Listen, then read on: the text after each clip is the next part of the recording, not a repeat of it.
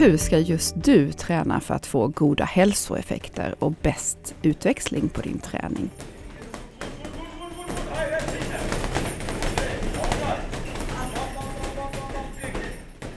Vilka gener som vi har ärvt och vilken typ av muskler vi har, det spelar roll för vilken träning som fungerar bäst. Det handlar Vetenskap och hälsas podd om idag. Och med oss i studion har vi genforskaren Ola Hansson. Välkommen! Tack så mycket! Jag vet att du är gammal tennisspelare och att du har ett stort intresse för idrott. Är det så därför du har börjat forska på inte bara genetik, men också träning och hälsa? Ja, men så var det nog från början tror jag. Det är ju det är alltid tillfälligheter var man hamnar någonstans eh, och så. Och eh, alltid gillat att träna, haft stort idrottsintresse, tävlat och så, varit engagerad i föreningsliv. Men också gillat genetik och eh, fysiologi och så, så att nu kombinerar jag två stora intressen, så det är, det är toppen. Och genetik, det går ju som en röd tråd genom din forskning och du leder en grupp som heter Genomik, diabetes och endokrinologi vid Lunds universitet. Vad är det ni riktar in er på? Ja, alltså vi är en ganska stor forskargrupp egentligen som har mycket kring diabetesgenetik att göra. Mitt eget så att säga, personliga forskningsintresse handlar mer om fysisk aktivitet och hur man ska träna för att uppnå sina träningsmål beroende på vem man är och var man finns, var man är i livet så att säga. Så det är det vi gör. Men det ultimata målet för, för forskningen, kanske också hela Lunds diabetescentrum, är ju att förebygga och bota diabetes. Idag så har vi ju allmänna rekommendationer om träning och eh, det ska vara fysisk aktivitet minst 150 minuter i veckan. Alltså två och en halv timme på medelintensiv nivå. Och det har jag forskat lite i vad det är för eh, nivå och då är det att man ska bli lätt andfådd men man måste inte svettas. Och lite andfådd kan man ju bli av raska promenader. Och det, då är det väldigt skillnad jämfört med ett intensivt träningspass. Vad tycker du om de här allmänna one size fits all rekommendationerna? Nej men alltså det är just det de är, de är väldigt allmänna. Eh, och det är ingen större skillnad när man tittar på rekommendationer för diabetiker till exempel, eller mot folk som inte har diabetes eller andra, andra grupper. Så jag tycker vi måste kunna bli mycket mer individanpassade i våra träningsrekommendationer och träningsråd. Det behövs mer forskning eh, såklart så att evidensen är stark. Men vi måste kunna göra lite bättre än det som vi rekommenderar idag. Och eh, ni har ju forskat på, eh, på muskler, vilka olika slags muskler vi har i en studie där ni bland annat tog muskelbiopsier. Vad var det ni ville ta reda på genom de här muskelbiopsierna? Ja, eh, alltså vi är ju väldigt intresserade av muskelfunktion och forskning på molekylär nivå i muskulaturen. Vad som händer när man tränar eller man inte tränar och så. Och en väldigt viktig faktor för muskelfunktion och prestation är vilken typ av cellsammansättning man har. Det finns, många har talat om de här snabba och långsamma fibrerna och de finns i väldigt stor det är stor skillnad i hur många man har av den olika sorten beroende på vem man är och vad man har gjort kanske. Och så. så Jörgen Brink, då gissar vi att han har? Han har mycket av de långsamma typ 1-fibrerna. Ja. Om man skulle sätta det så att säga till köket så är det de, det köttet som är väldigt mört och eh, filén, det är de, de långsamma fibrerna. Och det är de som är bra för längdskidåkare, maratonlöpare, Absolut. Alla uthållighetsidrotter. Precis. De andra som är kanske mer den här eh, rumpsteken, eh, det är ju då eh, de typ 2-fibrerna, sprintfibrerna. Och de finns ju hos ja, kortdistanslöpare, 100 meter, 200 och så, explosiva idrotter eh, som ja, men höjdhopp och kulstötning och eh, handboll för den delen eh, och sådär. Och då tog ni de här muskelbiopsierna för att ta reda på vilken slags sammansättning folk hade i sina muskler. Men om man då har mycket av de här långsamma fibrerna, hur ska man träna då om vi pratar om lite mer anpassad träning efter individ? Ja, eh, om man backar bandet lite så är varför vi är intresserade av just den mm. här mm. fibersammansättningen så är det just att det påverkar hur man ska träna och hur man ska återhämta sig efter träning. Det finns en hel del studier som visar till exempel att de som har en hög andel snabba typ 2-fiber, sprinttypen, de behöver längre återhämtning. De har en större risk för att få muskelskador till exempel, än de som har övervägande långsamma fiber, typ 1-fiber.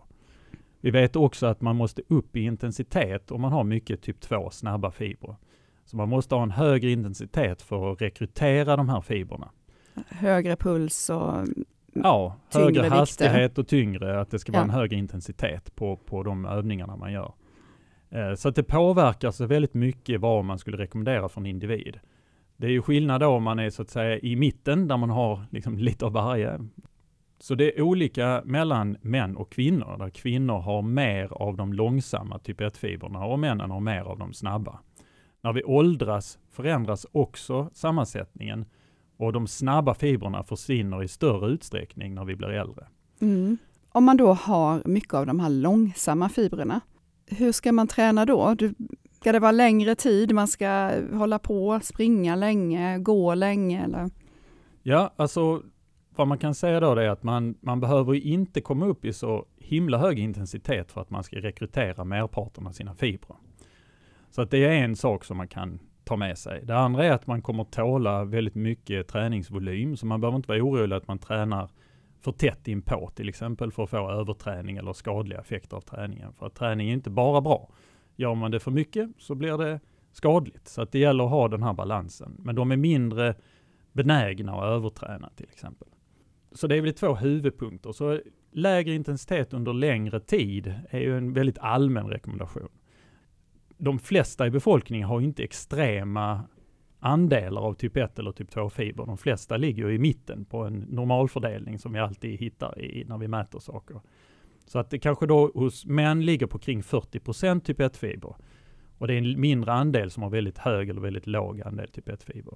Och vilka var det som ingick i den här eh, Malmö träningsstudie eh, som ni gjorde där ni undersökte folks muskler? Alltså det har varit ett, ett antal olika studier som började egentligen med Malmö män-studien för ganska många år sedan. Och sen gick över till Malmö träningsstudie som en uppföljning. Och nu senast eh, den studien som vi kallar för MSAT. Eh, så att vi har tittat på, på eh, det här under ganska lång tid. Och det vi är intresserade av att uppnå till slut är att ha ett, ett enklare test för att bestämma vilken sammansättning av muskelfibrer en individ har som skulle kunna användas på en vårdcentral till exempel. För idag så är det inte så att vi alla kan få göra en biopsi och se vilka muskler vi har. Nej, alltså biopsierna är ju till viss del ganska invasivt. Det är en ganska stor nål som vi använder som kallas för Bergströmnål som brukar vara kring 5 till 6 millimeter tjock. Och vi tar en biopsi som är cirka 100 milligram. Så det är ganska stor. Ja, det Historia. låter lite brutalt. Men ni har utarbetat en smalare nål och någon ny metod. Precis, och ganska nyligen så publicerade vi ett arbete där vi har utvecklat en ny metodik som bygger på RNA-sekvensering för just fibertypsbestämning. Eh, Och med den här nya tekniken så blir det oerhört mycket billigare. Vi behöver betydligt mindre material och det är mer standardiserat och snabbare. Så många studier kring fibertyp och dess effekter är det ganska få individer. Det kanske är 5, 10, 20, 30 individer i de här studierna. Men med den här nya tekniken så skulle vi kunna studera hundratals, till och med tusentals individer för att det är så pass enkelt och billigt.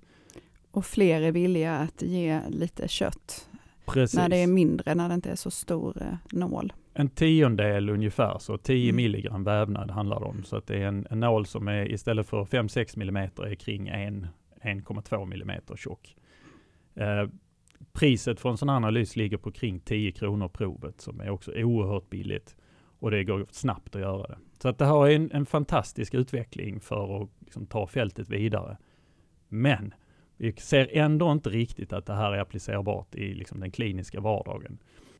När ni rekryterade liksom average Joe, den helt vanliga mannen, så upptäckte ni också att det går runt människor där ute med outnyttjade talanger. Ja, som jag sa, vi, vi hittar ju en normalfördelning när vi tittar. Vi har undersökt ungefär 650 individer totalt sett med fibersammansättning. Och i de här studierna så finns det ju extremer. Det här är ju inga elitidrottare överhuvudtaget, utan vi hittar ju individer då som har nästintill 100% typ 1-fiber i lårmuskulaturen till exempel. Så de skulle kunna vara fantastiska sprinters. Nej, tvärtom. Typ Ah, 1-fiber. just så det. det, det är då uthållighetsidrottare. Men vi hittar också de som har väldigt få typ 1-fiber. Så de här extrema individerna, de är absolut inga elitidrottare. För många av våra studier syftar ju till alltså personer som har risk för diabetes till exempel. Men de har ju precis samma fibersammansättning som elitskidåkare till exempel, som vi också har tittat på. Mm. Så har du någonstans kring 60 eh, till 90 eh, procent typ 1-fiber i den gruppen. Så har vi en grupp som går runt i Malmö i det här fallet där studien var gjord, som har exakt samma fibersammansättning som landslaget i, i längdskidåkning. Och om man då inte tränar någonting så hade det ju varit väldigt roligt att få veta det här. Då hade man blivit motiverad till att sätta igång med någonting där man vet att här kan jag ju bli riktigt bra kanske. Kanske. Jag förespråkar ju inte tester av barn för, för att reda ut vilken idrott de ska hålla på med, utan det ska gå efter intresse och, och glädje av att röra på sig. Jag tänkte mer på de här som var med i, i studien av vuxna män, som en del som tränade mycket och en del som tränade inget. Och sådär. Nej men absolut, det här är ju det vi, vi vill uppnå, det är ju att kunna guida folk lite bättre. Eh, och vad vi önskar nu, det vi jobbar mot, det är att utveckla ett test som bygger på ett blodprov, där vi skulle kunna säga extrem låg, extrem hög eller mitt emellan i typ 1-fibersammansättning eller typ 2-fibersammansättning. Eh, framförallt med hjälp av genetiska eh, markörer. Det finns även funktionstest man kan göra för att ta reda på detta. Så det finns så att säga metodik, men den måste implementeras. Det här blodprovet finns ju inte såklart, men det hade ju varit en, en väldigt, väldigt enkelt verktyg och väldigt användbart både i forskning, för vi kan applicera det på redan insamlade material och uppskatta ungefär fibersammansättning och göra analyser. Men även för implementering på till exempel vårdcentraler där vi framförallt tänker oss detta. Och det kanske inte är jättelångt borta i tiden? Ah, man ska inte säga om framtiden, det är inte så man säger. Vi vet inte riktigt. Så det beror lite på, skulle jag vilja säga. Vår forskning eh, går ju framåt och vi har hittat en del mutationer eller genetiska varianter eh, som kopplar till fibersammansättning redan. Men vi behöver hitta fler och starkare kopplingar och det gör vi genom att öka Eh, antalet individer i våra studier. Så det är precis det vi håller på med nu. Um, och sen vet vi ju inte vad vi hittar. Hittar vi inget så kan jag säga då händer inte det här. men, men hittar vi någonting väldigt, väldigt starkt så ja, då kan det vara nära. Så att anpassa träningen efter det man är bra på, det kan säkert ge mycket effekter när man är, är vuxen, att man tycker att det är roligare att träna och att man håller i. Men du sa nyss här att när det gäller barn så tycker du inte att man ska specialisera träningen. Nej, det tycker jag inte. Um, vad vi, hur vi tänker är så att säga, om man ser, om man har ett träningsmål, om det är ett hälsomål till exempel, eller prestationsmål. Om man gör en viss typ av träning och man ser en förbättring, att man får en återkoppling att titta här, nu har du förbättrat dig si och så mycket i den här parametern som vi satte upp och den här och den här. Så tror vi att det är en, en motivator, att folk faktiskt fortsätter att träna om man ser att det ger effekt. Och kan vi då hjälpa folk att träna på rätt sätt för att uppnå sina mål så kommer vi också öka fysisk aktivitet för de som kanske bäst behöver det. När det gäller barn så är det ju så att där är ju ett, ett stillasittande som är utbrett och så vidare och så vidare. Och det finns andra som studerar detta mycket mer. Vi tittar ju egentligen inte alls på detta. Men att om vi kan uppmuntra till, eh, till mer fysisk aktivitet hos barn, i skolan till exempel, som jag tror har en väldigt viktig roll att spela här, även med den fysiska miljön som barnen vistas i. Och även genom idrott, olika idrottsföreningar. Behöver inte vara sport, det finns även annat, friluftsfrämjande till exempel, eller andra föreningar som, som gör att barn är mer aktiva. Man bryter stillasittandet. Absolut, och så finns det en del mer eller mindre innovativa lösningar som är tekniska, att man, man har en sensor på skon som, gör, som laddar upp skärmtid när man rör sig. Så att när den är slut så måste man ut och springa igen innan skärmen sätts på igen. Det finns en del sådana grejer som har har testats. Det låter spännande. Men eh, jag vet inte om det är lösningen på det här, utan jag tror det finns annat. Lösningen kanske måste komma från väldigt olika initiativ, så att det är olika delar. Det tror jag. Men framförallt hitta glädjen i att röra på sig och vara aktiv. Det, det måste vara kul också, det ska inte vara en plåga. Diabetes typ 2 det är ju en folksjukdom och alla som har en förälder, en bror eller en syster som har detta, de har ju förhöjd risk för att få diabetes. Men träning och bättre mat kan sänka risken. Men hur effektivt är det att ändra sina livsstilsvanor eh, jämfört med läkemedel? Det har visat sig vara väldigt effektivt. Eh, det finns en väldigt känd studie som är gjord i USA där man testade detta. Där man hade personer som hade väldigt hög risk för att få typ 2-diabetes.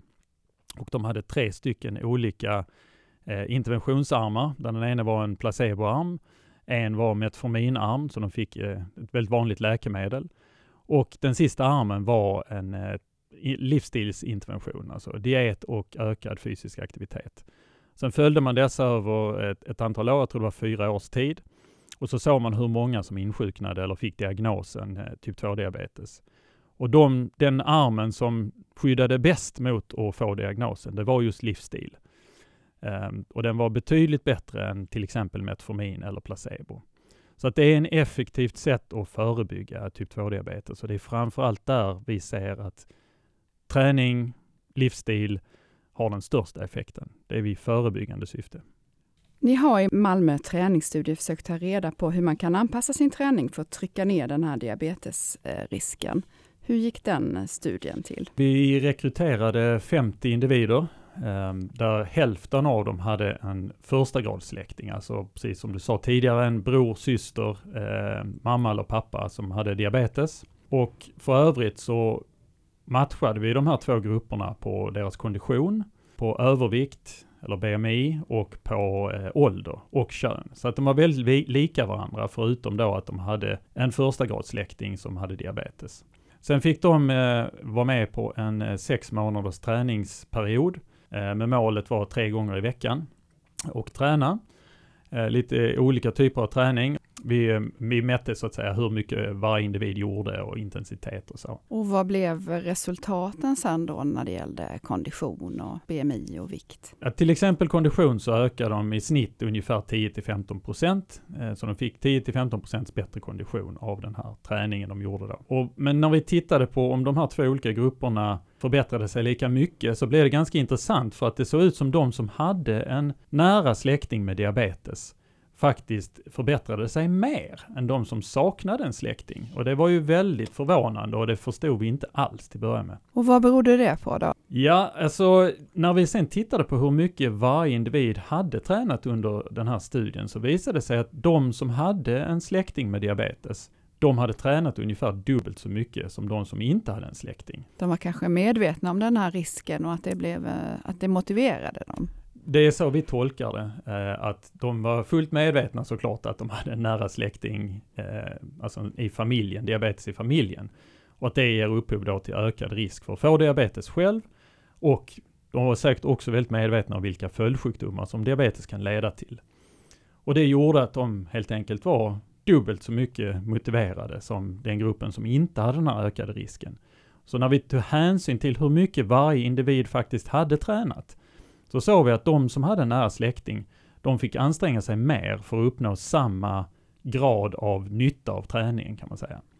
Så att om man tittar på midjemått eller andra riskfaktorer, så, eller kondition för den delen, så behöver de genomföra mer träning för att uppnå samma förbättring. Ja, det är taskigt, men då har man, man har olika förutsättningar. De fick kämpa lite mer, men det gjorde de å andra sidan. De svarade på träningen mm. Eh, och de fick sina förbättringar, men de fick jobba mer. Och vår nästa tanke då var så att säga, skulle vi kunna träna de här personerna på ett annat sätt? Det är ju inte säkert att de svarar sämre på en annan typ av träning än just den träningen de, de genomförde i den här studien.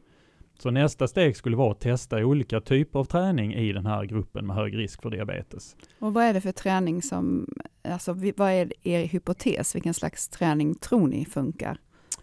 Vi tror ju att mer högintensiv träning, eller i varje fall uthållighetsträning med högintensiva inslag skulle vara viktig. Om vi då säger att en person med diabetes, eh, att muskulaturen har en högre andel av de snabba sprintfibrerna, typ 2-fibrerna, så måste vi upp i intensitet för att de ska rekryteras. Så det är möjligt att vi faktiskt behöver en högre intensitet i den här gruppen. Men det är något som vi inte har testat och vi vet inte, men något som vi jättegärna skulle vilja testa. Men menar du då att de som har diabetes typ 2, att de oftare har eh, fler snabba fibrer i, i sina muskler? Det finns ett antal eh, eh, publikationer som visar det. Men det finns även en del publikationer som inte visar någon skillnad. Och ett problem var som jag var inne på tidigare, att de här studierna är ofta ganska små. Eh, för att det tar mycket kraft att ehm, mäta fibersammansättning. Men med den nya metodiken som vi har publicerat så skulle vi kunna göra detta i mycket, mycket större grupper. Och det är sånt som vi håller på med just nu. att se om vi kan verkligen en gång för alla säga, svara på detta. Är det så att en person med diabetes har högre andel av sprintfiber i sin muskulatur? Och då behöver träna lite mer intensivt. Precis, och Mm. kanske ha lite bättre, mer återhämtning och man ska vara lite extra uppmärksam på muskelskador. En sak man ska nämna också det är att alla olika muskler vi har i kroppen har lite olika fibersammansättning. Men anledningen till att vi tror att det här fungerar, det är ju att det finns en korrelation i sammansättning mellan olika muskler i en individ. Så har man högt av sina långsamma fiber i en muskel så har man också hög andel i en annan muskel. Vad händer med våra muskler när vi åldras? Hur åldras musklerna? Ja, är- om man pratar så här, molekylärt muskelåldrande så finns det ett par saker som, som fältet är ganska överens om. Det första är att man får försämrade mitokondrier, alltså de här energifabrikerna i cellen. Man får en, en, en sämre mitokondriefunktion och eh, volym också. Betyder det här att man får mindre kraft i musklerna och också att de krymper? Ja, alltså vi pratar ju om åldersrelaterad sarkopeni, så att säga, och det är en muskelförtvining, en åldersrelaterad muskelförtvining. Som vi alla eh, utsätts för. Vi utsätts alla för detta. Eh, hemskt som det är så är det så. Och det Mm. kanske börjar vid, accelererar vid 40 års ålder, någonting sånt. När man verkligen behöver kanske märka av det. Kan man motverka det då med, med träning? Precis, det är ju det som är det fantastiska, att det kan man faktiskt göra. Så att när vi ser på kopplingen mellan eh, kondition eller fysisk status och kopplingen mellan ålder och till exempel mitokondriefunktion så ser vi att det är motsatta förhållanden. Så att har du en bra kondition upp i åldrarna så får du en mindre mitokondrieförsämring till exempel. Och det här med att ha så starka muskler som möjligt. Varför mår vi bra av att vara så muskulösa vi kan? Ja, det vet jag inte om jag håller med om. Det, det är att vi ska vara så muskulör, muskulösa som möjligt och så starka som möjligt. Eh, det beror lite på. Så Vad använd- menar du då? Det låter spännande. Är det inte bra med stora muskler? Ja, inte i alla sammanhang. Och, och tänker man på liksom funktion så har du alldeles för mycket muskler så kan det vara negativt och vissa saker man vill göra till exempel.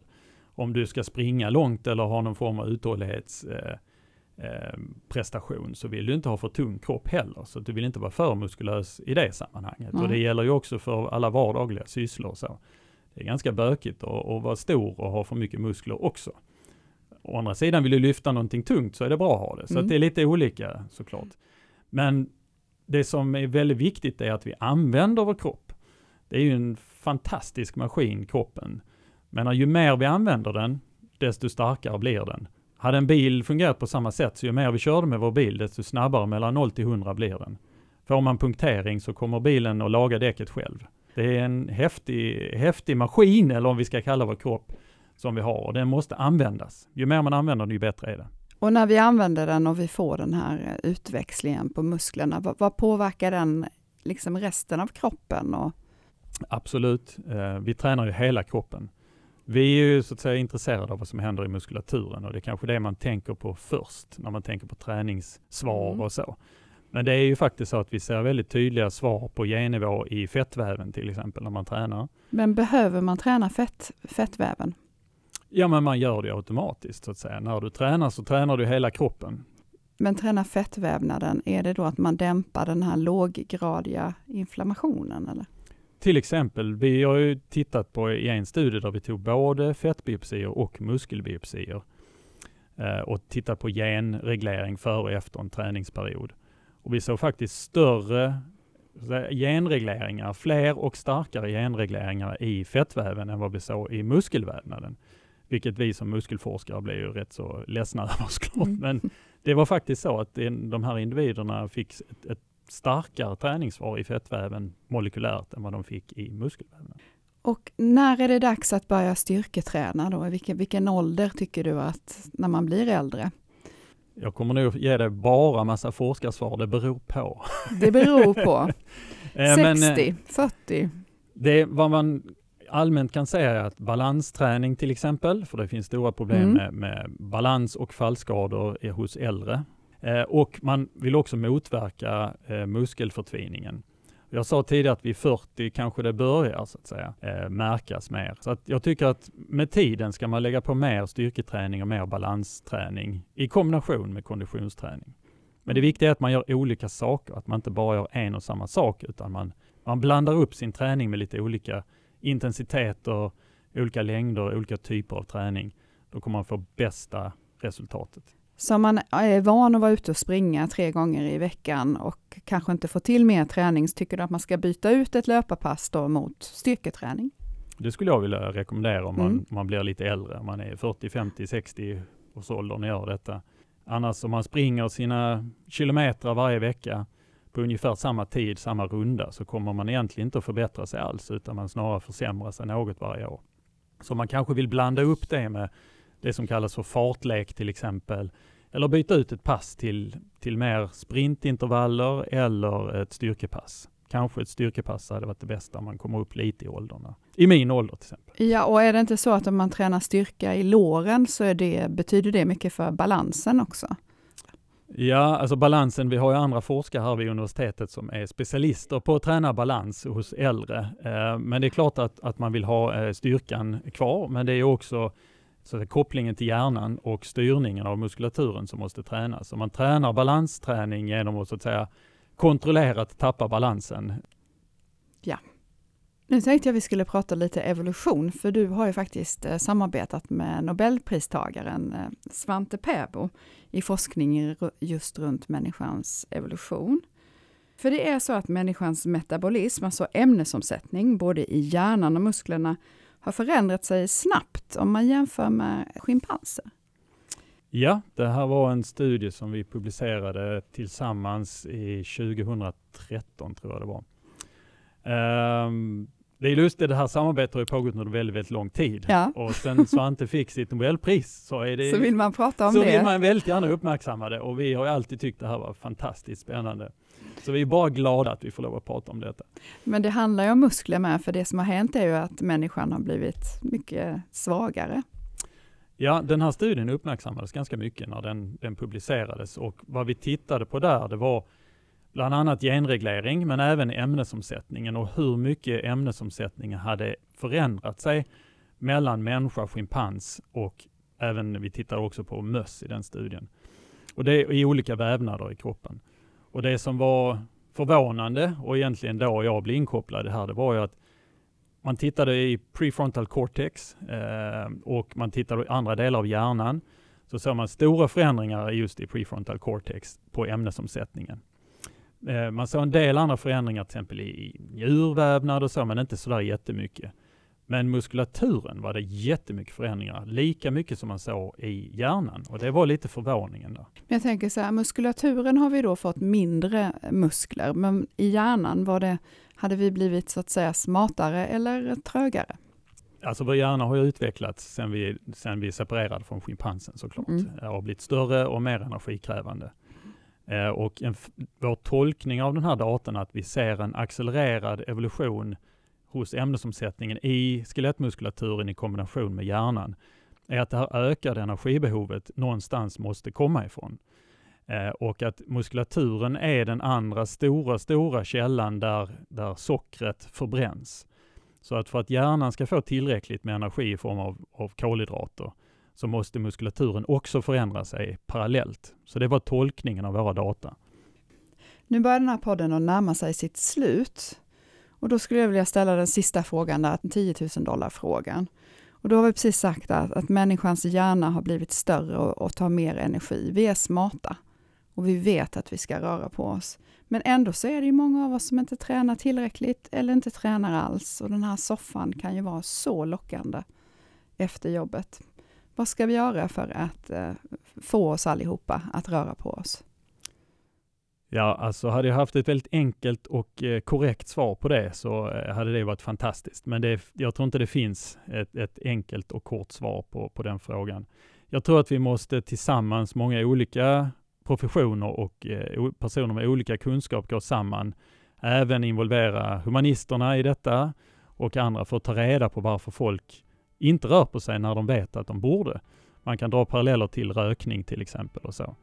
Jag tror också att det vi håller på med att försöka hjälpa folk att träna på det sättet som gör bäst effekt för det man vill uppnå är en del av det här svaret. Att ser man resultat av sin träning som är mer benägen att göra den och fortsätta att göra den över tid. Så jag tror det är många olika typer av lösningar på den, den knäckfrågan.